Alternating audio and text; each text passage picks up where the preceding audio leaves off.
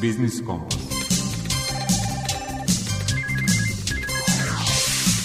Biznis Kompas.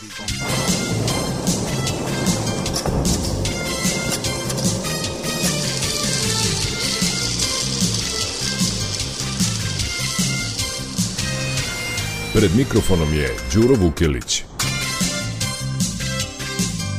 Dobar dan poštovani slušalci. Vreme je za Biznis Kompas i teme koje će, duboko verujem, zaokupiti vašu pažnju i u narednih 50 minuta.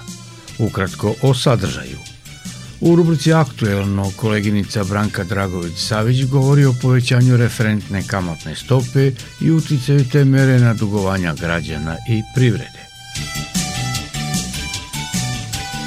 Kreditnim dužnicima, ali na način olakšavanja otplate rata, posvećena je rubrika Predmet financije.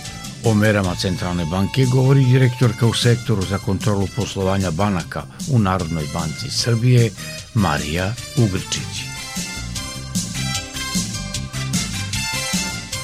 Gost autor rubrike iz mog ugla je profesorka sa Beogradskog ekonomskog fakulteta Jelena Žarković – izložit će rezultate studije, cirkularne i povratne migracije, komparativna analiza iskustava Bugarske, Estonije i Irske. U svetu preduzetništva danas se našao konkurs Razvojne agencije Srbije namenjen preduzetnicima zainteresovanim da budu deo proizvodnog lanca multinacionalnih kompanija – O uslovima konkursa govori rukovodilac projekata u regionalnoj razvojnoj agenciji Bačka Marija Prokopić.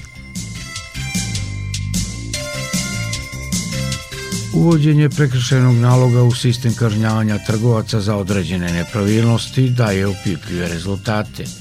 To tvrdi u rubrici Potrošačka korpa prava pravni savjetnik u Udruženju za zaštitu potrošača Vojvodine Mladen Alfirović a pre najavljene rubrike Aktuelno kraća muzička pauza.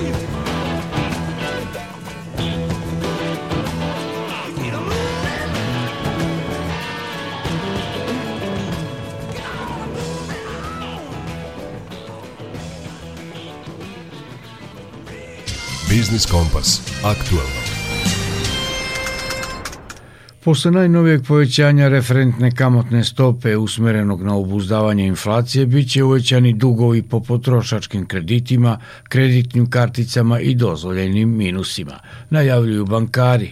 Izluženja za zaštitu potrošača ukazuju da zbog poskupljenja novca pada kreditna aktivnost privrede i da će se posledično teret preliti na građane kao krajnje potrošače. O tome Branka Dragović-Savić. Narodna banka Srbije povećala je prošle nedelje referentnu kamatnu stopu za 50 baznih poena sa 4,5 na nivo od 5%. To je deveto povećanje ove godine usmereno na obuzdavanje inflacije, koja je u oktobru iznosila 15% međugodišnje.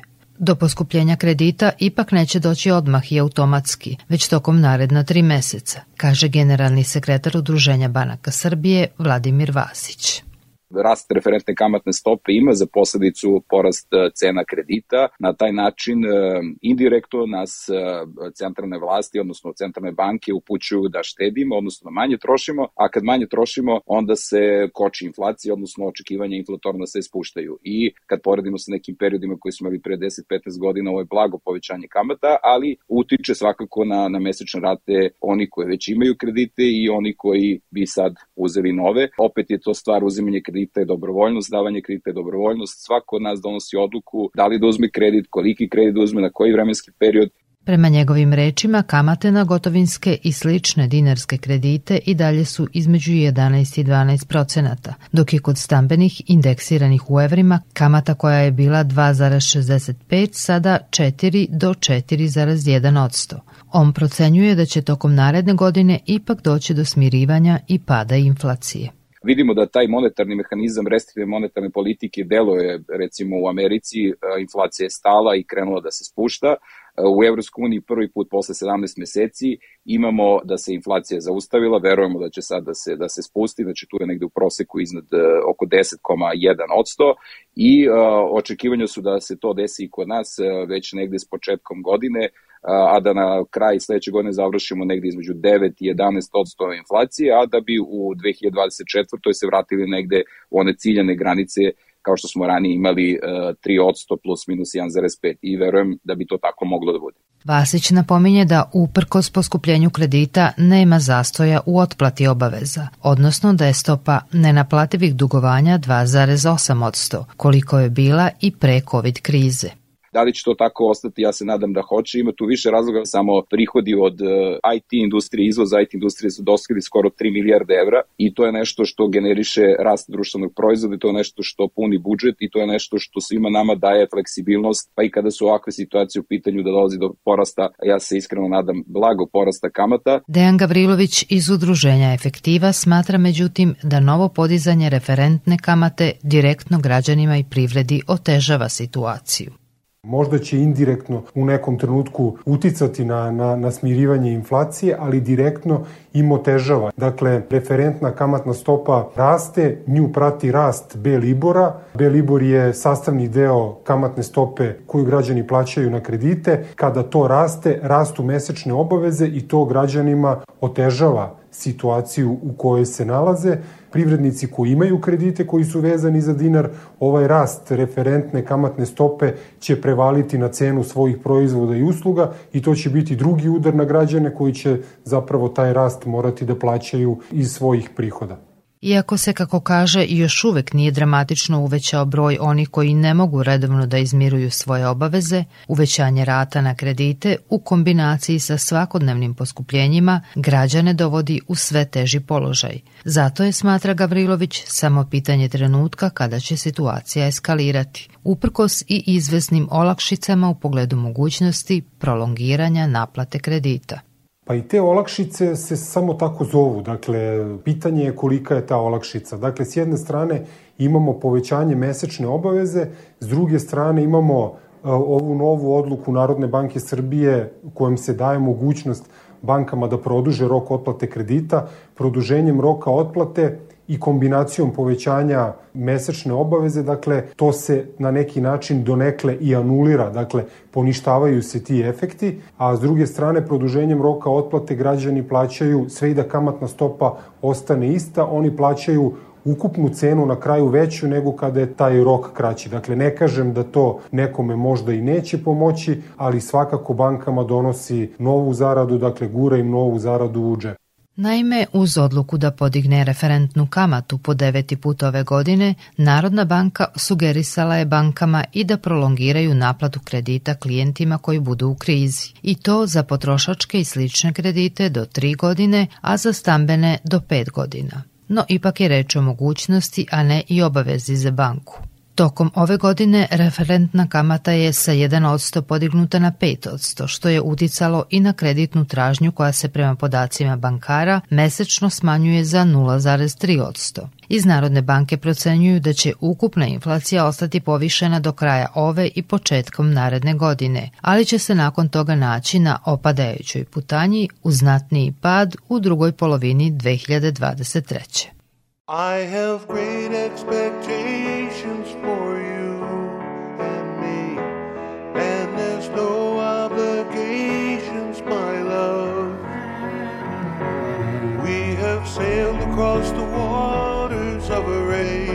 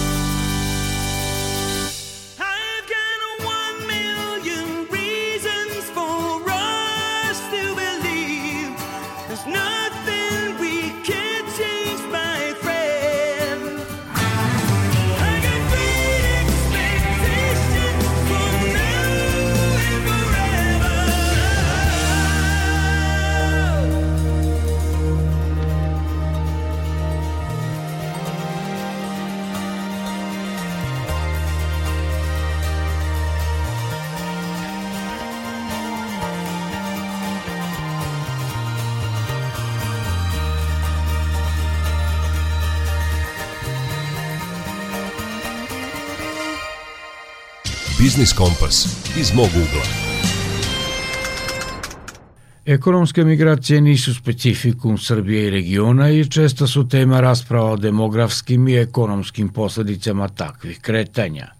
U nameri da barem smanji obim migracija, često nazvanih i odliv mozgova, naša zemlja je usvojila i strategiju o ekonomskim migracijama za period 2021. do 2027. godine – O rezultatima istraživanja na tu temu govori profesorka sa Ekonomskog fakulteta u Beogradu Jelena Žarković.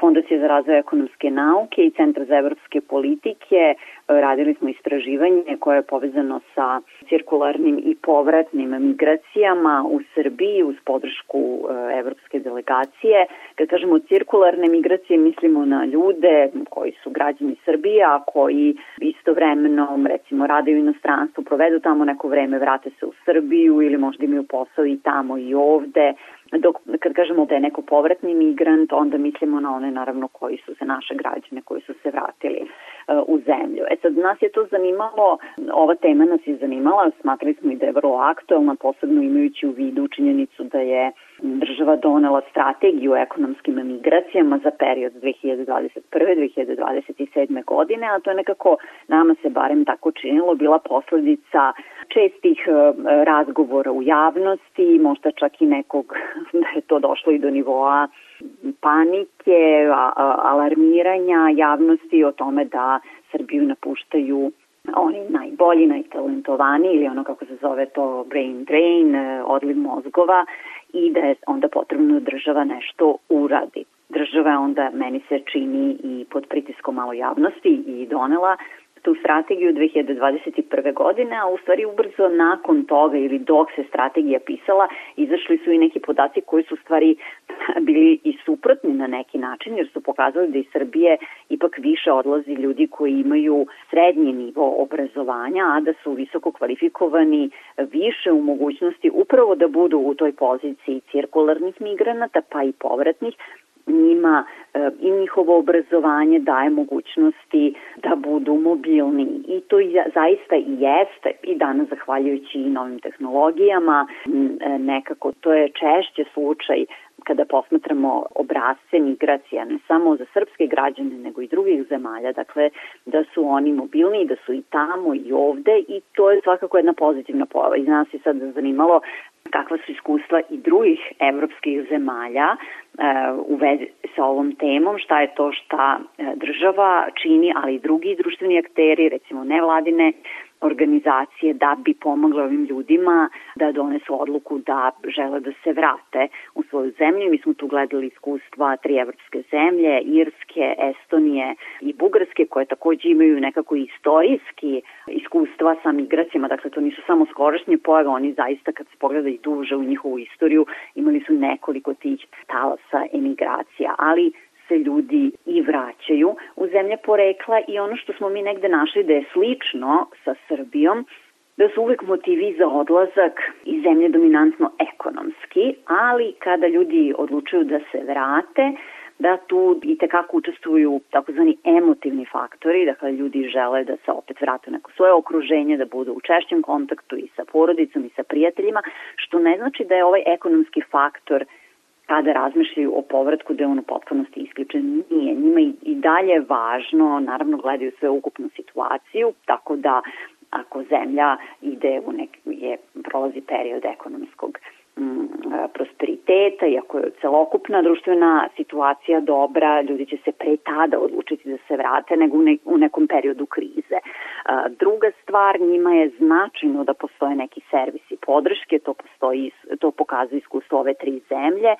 A šta to znači? Kakva je to podrška njima potrebna? Često neke onako praktične informacije, posebno za one koji se vraćaju sa decom, gde da ih upišu u školu, kakve su preškolske ustanove i to isto pokazuje iskustvo ove tri zemlje da je njima važan kvalitet tih usluga i zdravstva i obrazovanja posebno Ali tu postoji još jedna stvar koju smo takođe na koju smo naišli, a to je ono što bismo mi nazvali psihološka podrška. Zašto im je to bitno? Pa zato što se često taj njihov povratak, na njihov povratak gleda kao na neos. Dakle, čim ste se vratili u zemlju porekla, pa možda vi napolju niste u stvari ni uspeli, što naravno ne mora da, to, to nije uopšte a, neko pravilo. Tako da je njima potrebno, i to smo recimo videli kod Estonije, da oni država nudi i te programe psihološke podrške da bi se oni i pre, da bi se i recimo prvo povezali s ljudima koji su se takođe vratili, da sa njima podele ovaj, ta iskustva, praktične informacije, ali i zaista da im se pruži a, a, psihološka podrška baš u cilju prevazilaženja tog nekog osjećaja koji im nameće sredina, a, e, a to je da ih e, gleda sa nekim znakom pitanja zašto ste se uopšte vratili, da li to znači da niste uspeli. Tako da, s druge strane, eto, negde nisu samo važni programi koje nudi država, Važna je i podrška šire zajednice, dakle i nevladinih organizacija, e, nešto što slično mi ovde nalazimo kod e, organizacije koja se zove Tačka povratka kod nas, koja ima zaista tu i jeste njihova glavna misija da pruže razne, razne programe podrške za naše ljude koji žele da se vrate u Srbiju.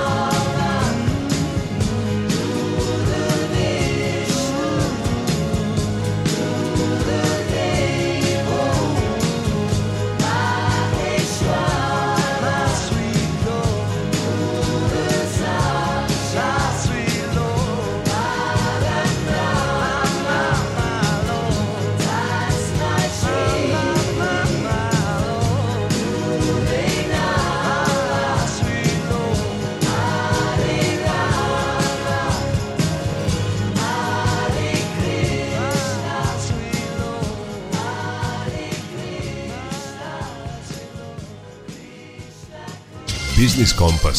Svet preduzetništva. Program Razvojne agencije Srbije za podršku privrednim društvima za ulazak u lance dobavljača multinacionalnih kompanija tema je današnje rubrike Svet preduzetništva. Konkurs traje do 24. januara 2023. a o uslovima govori rukovodilac projekata u regionalnoj razvojnoj agenciji Bačka Marija Prokopić koje su to bitne informacije jeste da ovaj program objavljen 25. novembra 2022. godine i da će trajati 60 dana. Znači, krajnji rok za konkurisanje je 24. januar 2023. godine. Ukupna sredstva po ovom programu iznose 200 miliona dinara. A, koji su to neki uslovi da bi se moglo konkurisati na ovaj program? Pre svega neki opšti uslovi, da je podnosilac prijave registrovan u Agenciji za privredne registre, najkasnije do 1. januara 2019. godine, da je kapital u privatnoj svojini, da je podnosilac prijave izmirio dospele obaveze po osnovu poreza i doprinosa, da podnosilac prijave nije u teškoćama u skladu sa pravilima za dodelu državne pomoći, zatim da podnosilac prijave nije povezan sa kupcem ili potencijalnim kupcem, da podnosilac prijave ne ispunjava uslove za sticanje statusa multinacionalne kompanije ili nije povezan sa grupacijom koja ispunjava uslove za sticanje ovog statusa, zatim da učešće podnosioca prijeve u prethodnim programima nije okončan zbog pasivnog držanja podnosioca prijeve, zbog kojeg prethodni program nije mogao biti realizovan. Znači, što se tiče nekih tehničkih kapaciteta, podnosilac prijeve treba da posjeduje implementiran sistem kvaliteta ISO 9001. Što se tiče poslovnih kapaciteta, bitno je da podnosilac prijave kao pretežnu delatnost obavlja prerađivačku delatnost ili da posjeduje proizvodne kapacitete pomoću kojih može obavljati prorađivačku delatnost i to za sektore tako automobilske industrije kao i za proizvodnju etiketa, bar kodova za potrebe automobilske industrije, zatim sektor mašina i opreme za druge namene, sektor obrade metala, sektor gume i plastike, sektor proizvodnje kućnih aparata i delova kućnih aparata, sektor električnih i elektronskih sistema i elemenata električnih i elektronskih sistema, zatim da podnosilac prijave obavlja proizvodnju ili posjeduje proizvodne kapacitete pomoću kojih može obavljati proizvodnju direktnih materijala ili indirektnih materijala za proizvode koje pripadaju lancima vrednosti, i da podnosilac prijave raspolaže mašinama i opremom koji mogu biti upotrebljene za serijsku proizvodnju direktnih materijala i indirektnih materijala u smislu ovog programa.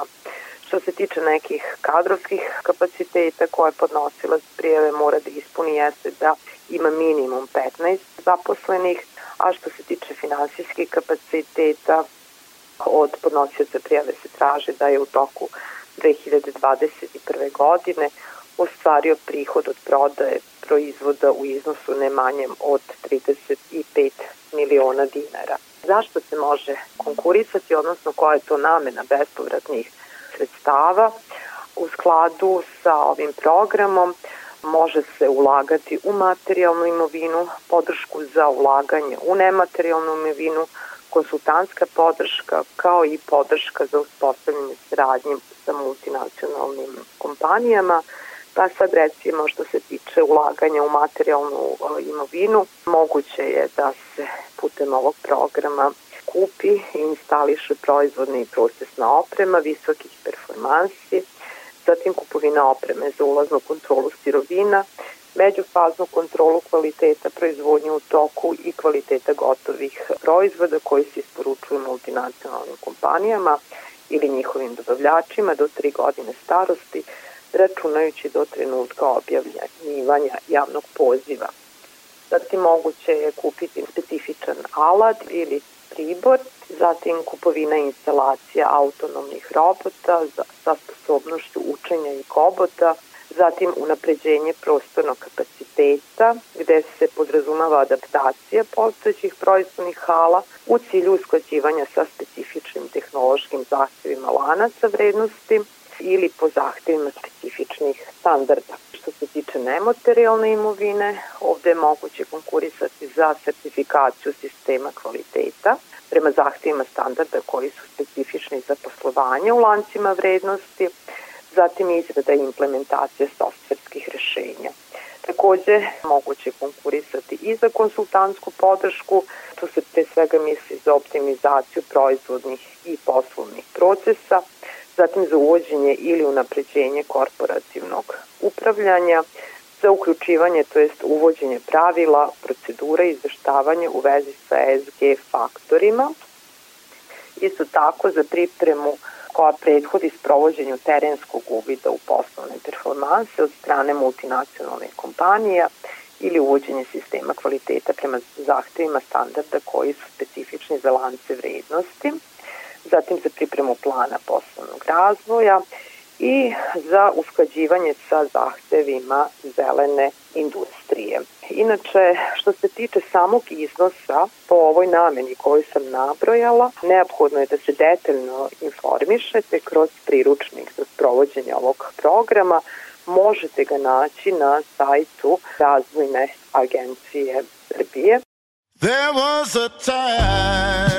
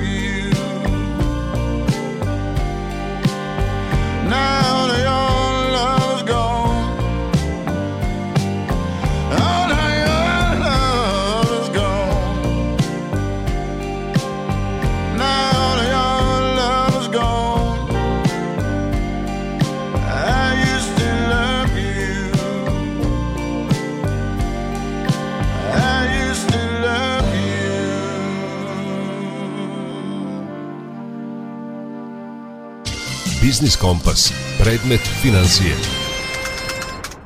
Narodna banka Srbije je ovih dana usvojila dva propisa kojima je poslovnim bankama omogućila da bez štete za svoje poslovanje olakšaju položaj dužnika po kreditima. O suštini tih propisa u rubrici Predmet financije govori direktorka u sektoru za kontrolu poslovanja banaka u Narodnoj banci Srbije Marija Ugrčić. Suština propisa koje je Narodna banka Srbije usvojila u prošli četvrtak jeste nastavak podrške stanovništvu kroz regulatorni okvir za banke. Reč je o dva propisa, od kojih je jedan sistemskog i trajnog karaktera, dok se u slučaju drugog radi o produženju ranije već donetih mera za olakšan pristup finansiranju građanima. Odlukom o dopuni odluke adekvatnosti kapitala banke, bankama je omogućeno da dužnicima u finansijskim teškoćama, bez uticaja na svoj kapital, odobre restrukturiranje gotovinskih, potrošačkih i sličnih kredita, poput kreditne kartice, na rok tri godine duže u odnosu na dosadašnje rešenje. Konkretno, to znači da banka dužniku može odobriti ustupak u otplati ove vrste kredita na ročnost kraće od 9 godina, odnosno u slučaju potrošačkog kredita odobrenog za kupovinu motornog vozila na ročnost kraće od 11 godina. Banke će moći da odobre opisane ustupke dužniku i na svoju inicijativu, uz pristanak dužnika i postupajući po obrazloženom zahtevu dužnika, nakon kojeg banka oceni da postoje posebne okolnosti koje su uticale na pogoršanje finansijskog položaja tog dužnika i time na mogućnost da on uredno izmiruje svoje obaveze prema banci. Rok u kojem dužnik može podneti zahtev banci za odobravanje restrukturiranja po novim pravilima nije ograničen, ali se restrukturiranje na ovaj način može sprovesti samo jedno. Kada je reč o odluci o izmenama odluke o privremenim merama za banke u cilju olakšavanja pristupa finansiranju fizičkim licima, ukazujem da je njome produženo dejstvo ranije usvojenih mera koje takođe podrazumevaju podršku stanovništvu. Posebno bih izdvojila produžetak primene mera usmerene na olakšavanje uslova otplate stambenih kredita građanima, koja znači da banke i tokom cele naredne godine dužnicima mogu ponuditi olakšice u vidu produženja roka otplate stambenih kredita za najduže 5 godina, a da se to produženje ne odrazi na regulatorni tretman tog potraživanja. Na ovaj način banke se dalje postiču da produže rok otplate stambenih kredita za dodatnih 5 godina u odnosu na inicijalno ugovorenu ročnost, što u trenutnim okolnostima rasta stopa Euribor u kratkom roku može smanjiti pritisak na korisnike stambenih kredita s variabilnim kamatnim stopama i sprečiti rast problematičnosti stambenih kredita. Iako je reč o mogućnosti, ne i obavezi za banke, Narodna banka Srbije je ovim merama svakako podstakla banke da građanima kojima je to zaista potrebno izađu u susret i u zajedničkom interesu ugovornih strana pomognu dužnicima da lakše izmire svoja dugovanja i prevaziđu eventualne izazove s kojima se suočavaju.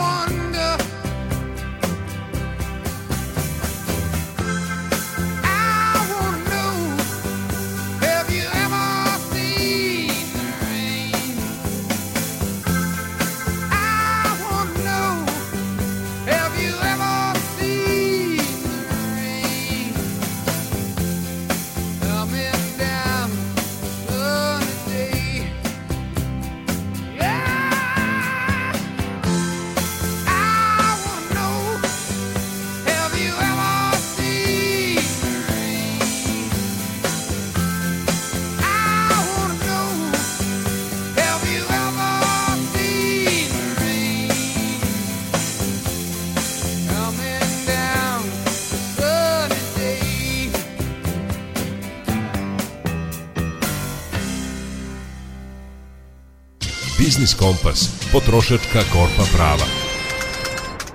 Uvođenje prekršajnog naloga kao novine o kažnjavanju iz zakona o zaštiti potrošača daje prve rezultate, ocenjuje u rubrici Potrošačka korpa prava pravnih savjetnik u Udruženju za zaštitu potrošača Vojvodine Mladen Alfirović. Godinama smo se suočavali sa situacijama gde nam potrošači prijavljuju da trgovci ne poštuju propise u smislu nekih prekršaja koji su lako uočljivi i gde ne postoji potreba da se bilo šta dokazuje. Recimo, pravi primer za to je pogrešno isticanje cena. Ako recimo dođete vidite da je na, na rafu jedna cena, poželite da kao potrošač kupite taj proizvod i onda vam na kasi kažu da je to zapravo pogrešna cena, već da se radi o nekoj drugoj ceni. Dakle, to je nečija neažurnost, nečija greška koju potrošači na kraju skupo plaćaju jer su oni zapravo i doneli odluku da kupe taj proizvod zbog te cene koja je istaknuta pa onda da ne bi recimo dolazili u nepretnu situaciju, oni ipak pristanu i plate tu neku veću cenu najčešće za koju im trgovac na kasi kaže da je zapravo validna i aktualna. Pored toga što se često dešava u svakodnevnom životu i u svakodnevnoj kupovini, čitav niz tih sitnih prekršaja je prisutan i obrađen kroz temu prekršajnog naloga u novom zakonu. Dakle, zakon prepoznaje na desetine tih nekih e, propusta trgovaca za koji e, oni mogu biti kažnjeni na licu mesta kad inspektor u postupku službenog nadzora, odnosno kontrole, utvrdi da je prekršen zakon, dakle on može na licu mesta naplatiti kaznu, a ne kao što je do sad recimo bio slučaj da da inspektor podnosi prekršajnu prijavu, pa da o prijavi odlučuje prekršajni sud i u najvećem broju slučajeva te prekršajne prijave ne budu procesuirane, dođe do zastare i trgovci ne budu kažnjeni. Dakle, mi već godinu dana imamo taj novi, e, novi institut koji je za sad se pokazao da daje izvesne dobre rezultate. Mi smo se pre nekoliko dana obratili Ministarstvu trgovine, sektoru tržišne inspekcije i zahtevali smo da nam se dostane informacija koliko je kazi izrečeno na osnovu prekršajnog naloga i koji je iznos naplaćen u proteklih nešto manje od godinu dana od kad je zakon u primjeni i dobili smo tu informaciju, dakle izrečeno je 657 prekršajnih naloga i naplaćeno preko 13 miliona dinara kazni direktnih od e, strane trgovaca koji nisu poštovali odredbe zakona o trgovini i zakona o zaštiti potrošača. Dakle, da bi potrošači bili malo bolje upoznati o čemu se radi, pored ovog e, primera koji sam naveo koji se tiče isticanja cena, dakle to su još neki primeri iz prakse gde se recimo potrošaču e, prilikom reklamacije ne izda pisana potvrda o reklamaciji ili mu se ne saopšti broj pod kojim je reklamacija zavedena. Ako se potrošaču ne odgovori na reklamaciju u zakonskom roku, ako mu se ne vrati sav iznos uh, u slučaju usvojene reklamacije. Zatim uh, imamo i neke situacije koje se takođe često javljaju u praksi, tiču se isporuke robe. Dakle, ukoliko potrošaču koji je odustao od kupovine ne bude u zakonskom roku, a to je rok od tri dana, vraćen celokupan iznos koji je on platio, u slučaju da trgovac e, ne poštuje taj rok isporuke. Ukoliko mu naplati neke dodatne troškove vezano, a bez saglasnosti potrošača. E, zatim imamo situaciju da recimo trgovac zloupotrebi izraz garancija ili, ili zapravo koristi taj termin, a potrošaču daje manje prava u odnosu na, na ona prava koju mu garantuje zakon. Recimo odbije da potrošaču proda robu koja je izložena ili na drugi način pripremljena za prodaju ili odbije da pruži uslugu koju je dužan da, da pruži određenoj situaciji ne pruži potrošaču sva neophodna obaveštenja kad je u pitanju zaključivanje ugovora na daljinu, a to je na prvom mestu da može da odustane od tog ugovora u roku od dve nedelje, ako na računu čitljivo jasno ne napiše rok isporuke i brojni drugi primjeri. Ono što je suština jeste da to nešto što se može jasno i nedvosmisleno utvrditi na osnovu uvida u samu situaciju od strane inspektora, nema potrebe, kao što smo godinama govorili, da se podnosi prekršena prijava i da se ide na prekršeni sud, jer zapravo trgovci u malom broju slučajeva su bili kažnjavani i praktično su zbog tog sistema koji je loše funkcionisao i bili motivisani da činete neke prekršaje koji su najčešći u svakodnevnoj e, kupovini na, na tržištu Srbije. Toliko za danas. Biznis Kompas slušajte i odloženo na internet stranici Radio Televizije Vojvodine podcastu Odloženo slušanje. Pozdrav od tima koji čine muzički urednik Zoran Gajinov, ton majstor Marica Jungi i urednik emisije Đuro Vukjerić. Zdravi bili i čuvajte se.